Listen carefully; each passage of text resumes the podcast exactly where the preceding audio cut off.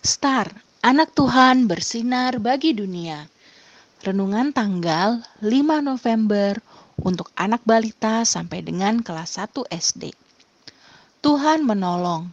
Dari Mazmur 54 ayat 4a. Sesungguhnya Allah adalah penolongku. Kak Bintang, lagi ngapain? Boleh aku bantu? Mentari menghampiri Bintang yang sedang berada di teras rumah. Kakak lagi buat tugas karya. Sudah sana jangan ganggu aku. Anak kecil ganggu aja. Mentari dengan cemberut meninggalkan Bintang.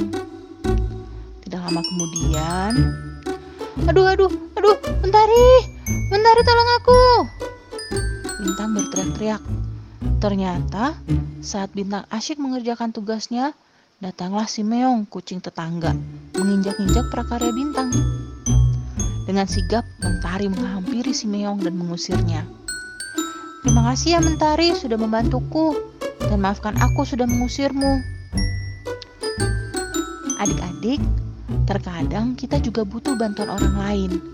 Dan Tuhan memberikan orang-orang di sekitar kita untuk menolong kita, seperti papa, mama, kakak, adik, dan lain-lain.